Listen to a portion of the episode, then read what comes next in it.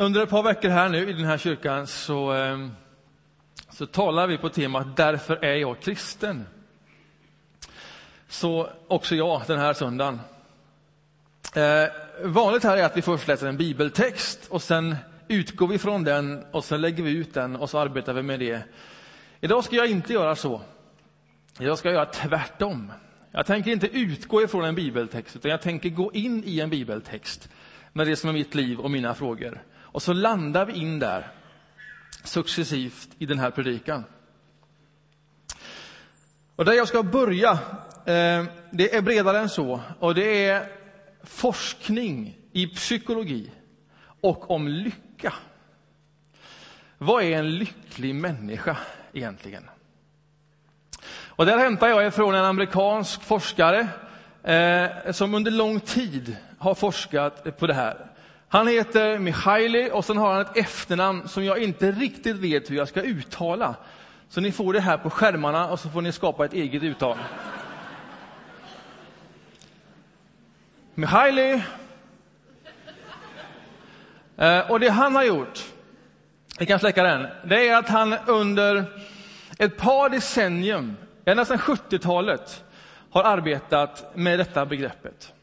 Och vad han har gjort är att han har liksom arbetat med en metod som man kallar för eh, upplevelsesampling. Och så har han gett människor, typ som en klocka, som åtta till tio gånger på ett dygn har eh, gått igång och gett ett larm. Och när det larmet går igång, då ska man stanna där man är och så ska man svara på ett antal frågor. Det vill säga, vart är jag? Vad gör jag? Hur mår jag? Är jag utmanad? Är jag uttråkad? Är jag och så ett sånt frågebatteri. Och så håller det här på under ett antal veckor. Och sen får han ett enormt material liksom, på människor. Och det här har han gjort sedan 70-talet och fortsätter. Ni kan bara föreställa er den databasen med information eh, om vad och hur människor upplever lycka. Alltså vart någonstans kan man se genom alla dessa människors vittnesbörd, vart befinner man sig när man är lycklig? Om man ska samla liksom mänsklig erfarenhet, vad säger den då?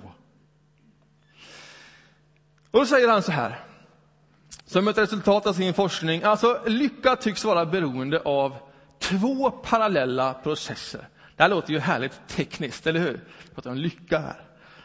Två parallella processer. Och så sätter han två goda ord på detta. De processerna de är, det är differentiering och det är integrering. Jag ska förklara. Differentiering, det är att man någonstans i livet successivt kommer på, vem är jag? Alltså jag, till skillnad från alla andra. Hur skiljer jag mig? Hur är jag differentierad? Vilken röst är min röst? Vilken längtan är min längtan? Vad tycker jag är viktigt?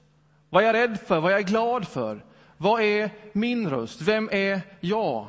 Och komma på att jag är inte som alla andra, utan jag är unik. Jag är jag. Och dessutom ta ett ansvar för att jag är unik. Ett ansvar för sin egen överlevnad, så säger han. Alltså ett ansvar för mitt liv, för min röst, för detta. Det är den ena processen. Och den andra processen, det är att man någonstans också kommer på att jag är inte bara unik och egen och har en egen vilja och längtan. Jag är också sammanflätad med alla andra människor och kulturer och sammanhang och allting som omger mig. Jag är helt integrerad. Samtidigt som jag är egen människa. Och på toppen av de två, eller på de två parallella processerna, när man står där där finns lyckan. Vad betyder det här? Alltså, jag kommer på att jag tycker om att segla. Ja, egentligen tycker jag om allt som har med vatten att göra, men mest segling. Hur jag kommer på det, jag vet inte. Jag har seglat mycket, jag åkt annan båt och så kommer jag på att när jag seglar, då är det som att där, där lever jag helt och fullt. Jag bara älskar det. Jag kommer på att det är liksom min röst, att det är min väg. Att det gör någonting med hela mitt välbefinnande. Det där är min väg att gå. Och det är inte bara så att man sätter sig i en båt då, om man har den rösten och den längtan, och så hanterar man allting självklart, segel och tampar och vind och vågor och vatten. Utan jag måste också någon gång ta ansvar för det som jag ger, som ger mig välbefinnande. Det vill säga, jag får lära mig förhållandet mellan segel och tampar, och vatten och vind, hur allting fungerar. Och varje gång jag sätter mig i en segelbåt nu, det är inte så att jag börjar om från början och tänker, hur var det igen det fungerade? Vinden blåser därifrån. Hur satt allting ihop? Utan efter ett tag så är jag helt integrerad. Jag tänker inte liksom längre på varifrån vinden kommer, utan jag, jag känner det intuitivt.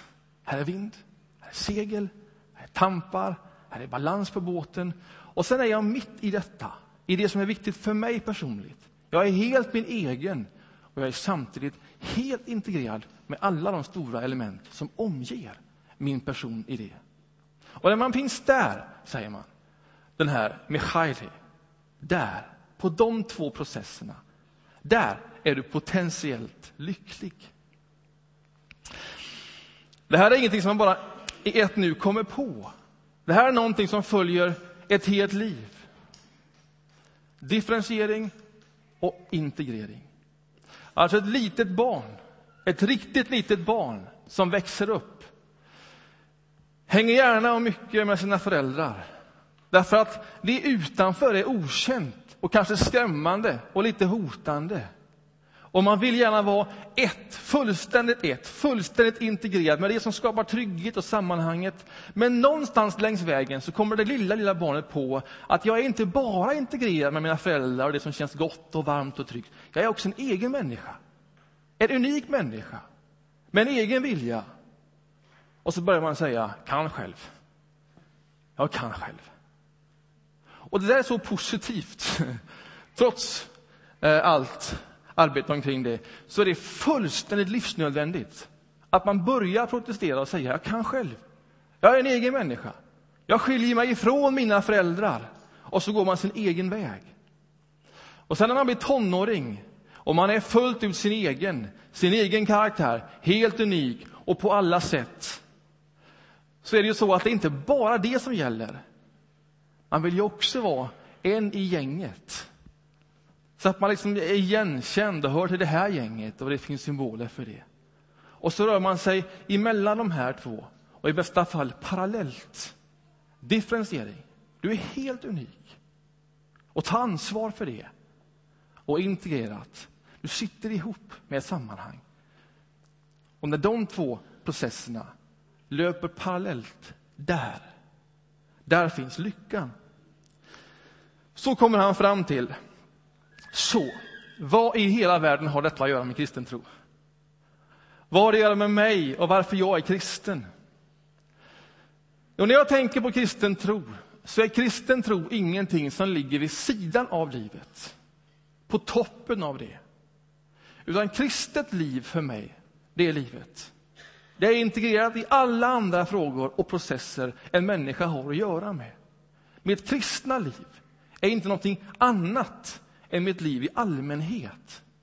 Utan mitt kristna liv är väl integrerat i alla processer som det är att vara människa.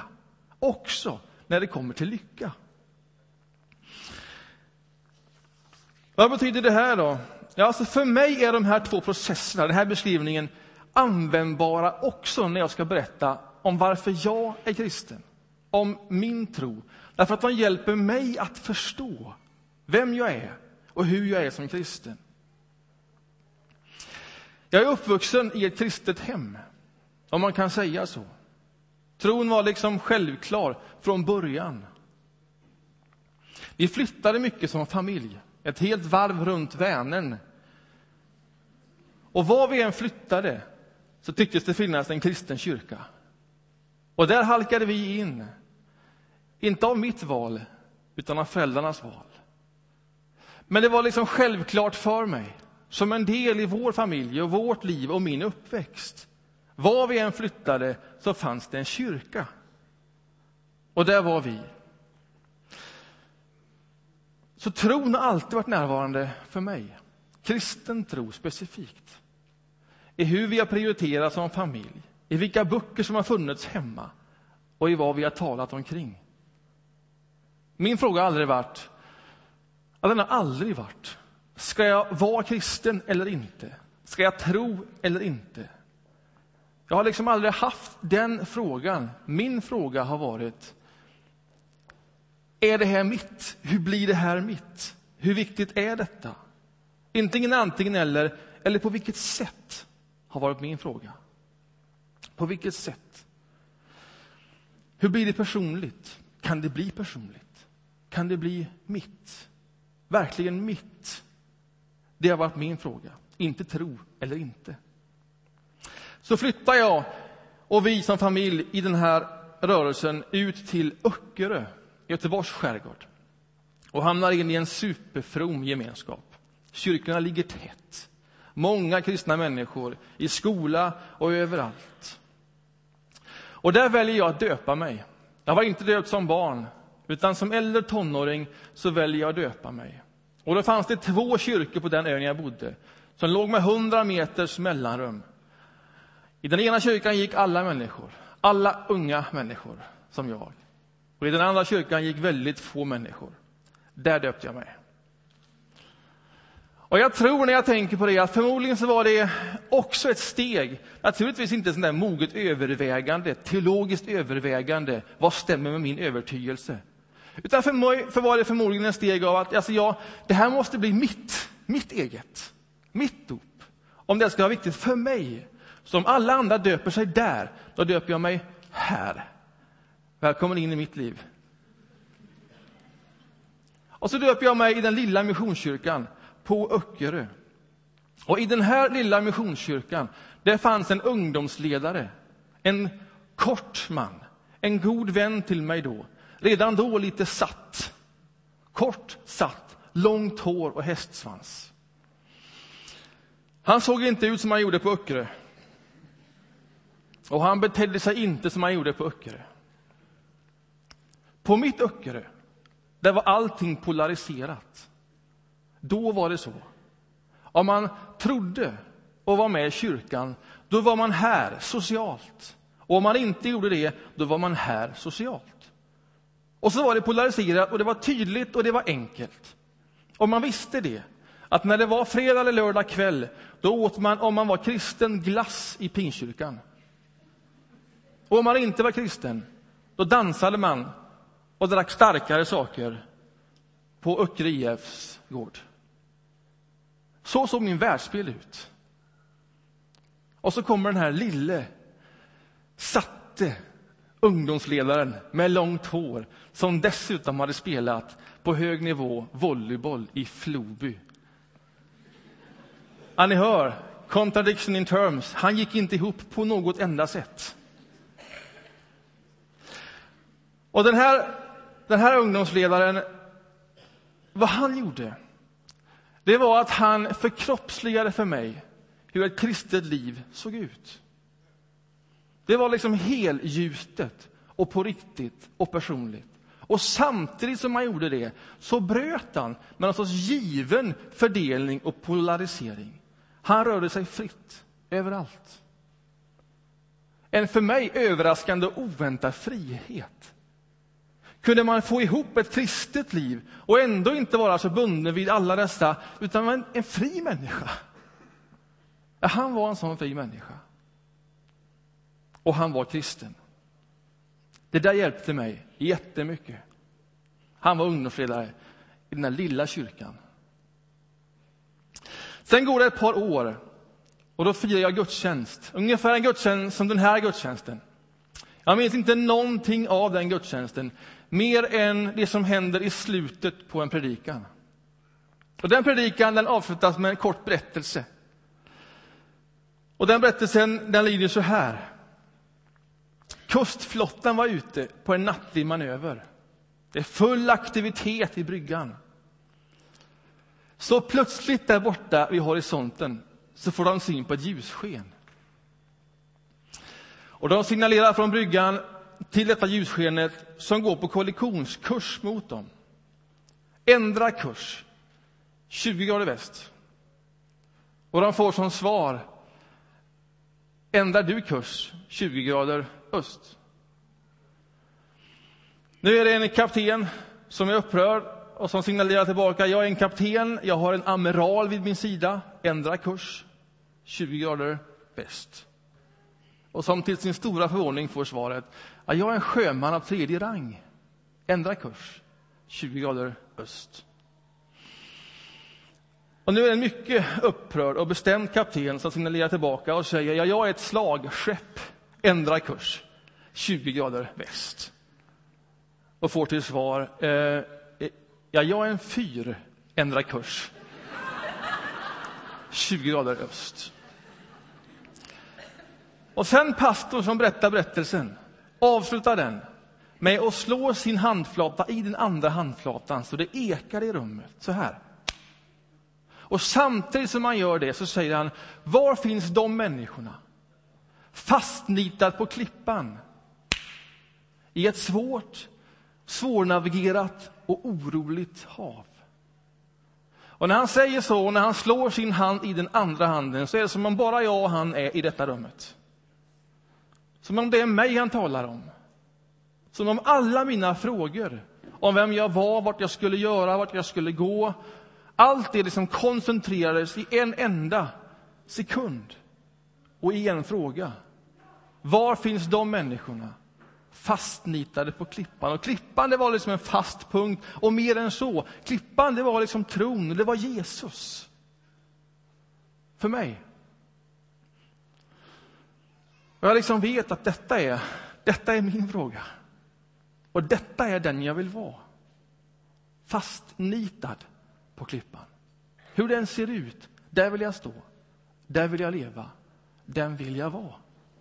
Men vad betyder det? Ja, men det har man ju ingen aning om i en sån stund, i en sån situation. Men om man tar ansvar för det som blir viktigt för mig personligt, det som är unikt för mig, det som gör att jag skiljer mig från andra i den stunden. Om man tar ansvar från sin längtan, sina behov, så kan det leda dig någonstans. Så var det för mig. Här väcks en andlig längtan, en längtan efter att, att veta vad det är att stå på den där klippan. Veta vem Jesus är, men det visste jag, jag var ju döpt. Men personligt, här är det som att det väcks någonting mer. Hur kan det än mer bli mitt? Och sen ger jag mitt gensvar på det. Och jag gjorde det genom att jag började gå ut och be. Långa promenader, långt ut på berget, ofta. Och började föra ett samtal med Gud som jag inte själv hade gjort tidigare.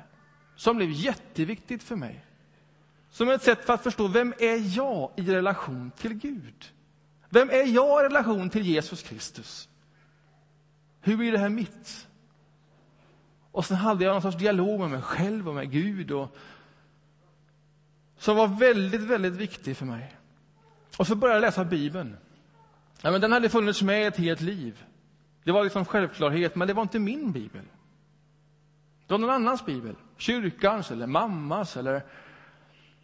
Jag hade gått i konfirmation i den här kyrkan. Lång tid. Och ändå var det inte min bibel. Och så började jag läsa Bibeln igen. Som ett svar på den längtan som var min. Och plötsligt läser jag saker. Jag läser Gamla testamentet, hade jag inte gjort förut, mer än söndagsskolan. Och så läser jag ord från Jeremia, såna här, det kommer på skärmarna här. Ifrån Jeremia kapitel 17. En beskrivning av den som sätter sin tillit till Gud. Och så kommer de här orden från profeten. Han blir som ett träd planterat nära vatten. Det sträcker sina rötter mot bäcken. Det har inget att frukta av hettan. Bladen är alltid gröna. Det ängslas inte under torra år, upphör inte att bära frukt. Ja, men det där är ju vackra ord. Tjusiga ord skulle kunna vara en dikt som man skulle kunna läsa och ta till sig. Men nu var det som om det var ord om mig, mina ord.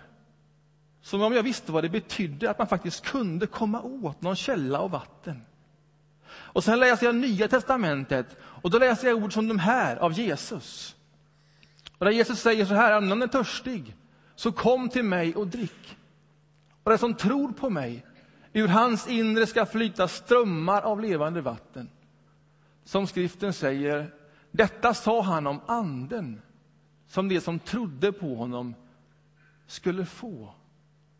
Om någon är törstig, så kom till mig och drick. Ja, men det var det jag gjorde. Det var det som var min längtan och det var det jag försökte gensvara på. Och när jag söker Jesus, när jag får känna av vattnet, när jag söker honom, så är det kopplat till en källa, en kraft, ett liv, en närvaro. Och det kallas för helig ande. Det här blev liksom, om inte nyupptäckter, så mitt, mitt liv. För mig vilar den kristna tron, min kristna tro, på två parallella processer. Att jag går min egen väg. Att jag tar ansvar för mina frågor och för min längtan. Men samtidigt att den är sammanflätad och integrerad i ett större sammanhang. För det var också vad jag sökte mig till. Inte bara själv ut i bergen, inte bara själv med en bok. Det är märkligt när jag tänker på det i efterhand. Alldeles strax här efteråt gjorde jag militärtjänst, hamnar i Karlskrona i sammanhang där man inte känner någon eller något mer än andra flottister. Och så på vardagskvällarna så söker jag mig ut och ser, finns det någonstans i någon kyrka en samling där man har gudstjänst eller ber? Och så hittar jag en liten pingstkyrka i Karlskrona. Och där på onsdagskvällar, där samlades människor för att be. Och det var liksom givet för mig, om det bara fanns någon fysisk möjlighet så var jag där på onsdagskvällar tillsammans med människor som jag inte kände överhuvudtaget eller visste vilka de var. Men för mig var det sammanhanget. Mina personliga frågor satt i det sammanhanget. Och jag märkte att när jag också var där, gemensamt med dem, så hände det också någonting med min väg. Och så var det ett samspel för mig som blev så viktigt. Så var allting bara positivt och Jag följer min andliga längtan, jag upptäcker Bibeln och bönen. Ja, det fanns ju många frågor i frågan naturligtvis. Och när jag ser nu, vilka böcker läste jag då? Vad var viktigt för mig? Vad var mest tummat? Så kan jag se att den boken som är mest tummad, mest understryket i, den har titeln Gud, varför sover du? En dansk präst som skriver brutalt ärligt om lidande och frånvaro av Gud och ondska och inga enkla svar. Det var mina frågor när tron blev personlig. Men jag gick också den vägen och ställde alla mina frågor. Också det var viktigt för min väg. Två parallella processer. Där står jag idag. Min egen väg. Mina frågor. Min längtan. Och att jag faktiskt har valt att vara helt och hållet sammanflätad med en gemenskap som den här. Och inte bara så här i en liten bönegrupp eller i en gudstjänst eller lokalt, utan i större mening, kyrkan.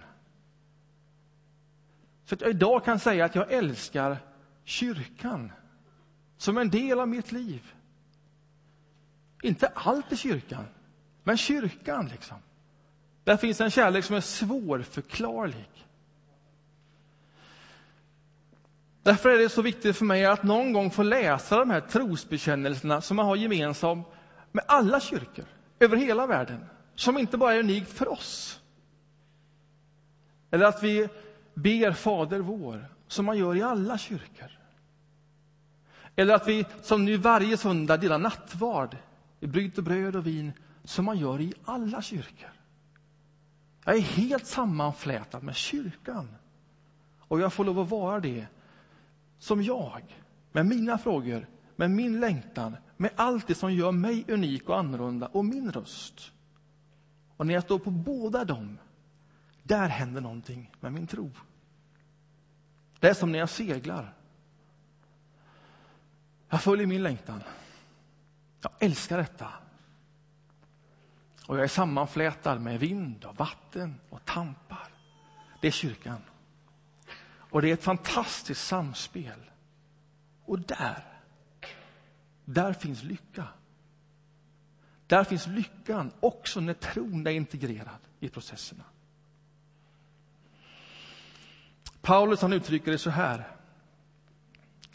Det är det här ordet det landar in i. Han säger så här. Ingen kan säga Jesus är Herre. Alltså, ingen kan tro på Jesus. Ingen kan svara på honom när han säger Kom till mig, alla ni som. Om man inte är fylld av helig ande. Det där sitter ihop. Alltså att kunna säga ja till Jesus, att följa honom, det är inget man bara gör som en intellektuell övning. Där den heliga Ande, Gud, finns närvarande i en sån process. Och sen säger Paulus, och hos var och en framträder Anden så att den blir till nytta. Detta var det jag upptäckte. Hos var och en. Alltså hos mig, specifikt, unikt. I mina frågor, där jag är, där framträder Gud. Genom helig Ande. Och inte bara för min skull, inte bara isolerat, inte bara på mina promenader, utan den heliga Ande framträder hos var och en så att den blir till nytta. Det vill säga, mitt liv sitter ihop med era liv. Det är i det sammanhanget Gud framträder hos mig så att den blir till nytta i en sån här gemenskap. Och tvärtom. I den här gemenskapen, där framträder Gud så att jag älskar. Och där framträder Gud hos dig så att du älskar. Där framträder Gud så att jag kan betjäna. Och där framträder Gud hos dig så att jag kan bli betjänad. Och sen sitter vi ihop. Hos var och en, unikt. Och tillsammans. Så om man ska närma sig kristen tro. Det finns två vägar som sitter ihop. Följ din egen längtan dina egna frågor. Ställ dem hela vägen, ärligt, rakt och rent. Och tillåt dig själv att stiga in i ett större sammanhang som är kyrkan. Därför att där trivs den sortens frågor. Och på de två processerna, där bor kristen tro. Amen. Vi förenar oss i en bön.